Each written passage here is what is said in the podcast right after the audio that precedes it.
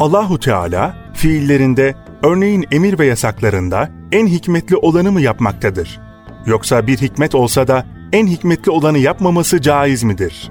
Bu konuda Maturidi ve Eşari mezhepleri arasında bir fark var mıdır?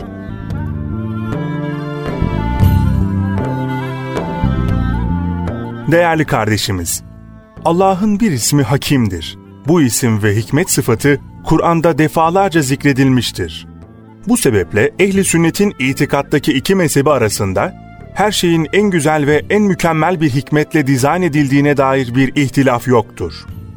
Bir eşari alimi olan İmam Gazali'nin mevcut olan kainattan daha mükemmeli imkan dahilinde değildir şeklinde bir görüşe yer vermesi, eşarilerin de maturidiler gibi her şeydeki hikmetin en mükemmel olduğuna inandıklarını göstermektedir.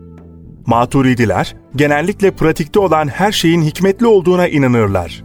Teorik hikmet konusunda fazlaca bir açıklamalarına rastlayamadık.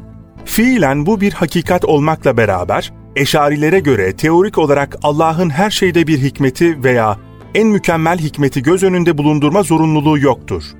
Eşariler bu görüşü seslendirirken, Allah hikmetli iş yapmak zorundadır diyen mutezile alimlerine cevap vermeye çalışmışlardır.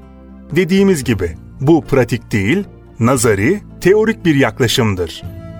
Özetlersek eşariler, maturidiler gibi diyorlar ki, Allah'ın yarattığı her şeyde en mükemmel bir, birkaç hikmet vardır. Ancak mutezilenin dediği gibi, haşa Allah her şeyi hikmetle yapmak, yaratmak zorunda değildir. Çünkü böyle bir zorunluluk, onun mutlak iradesine ters düşer. Kanaatimizce bu görüş oldukça isabetlidir.''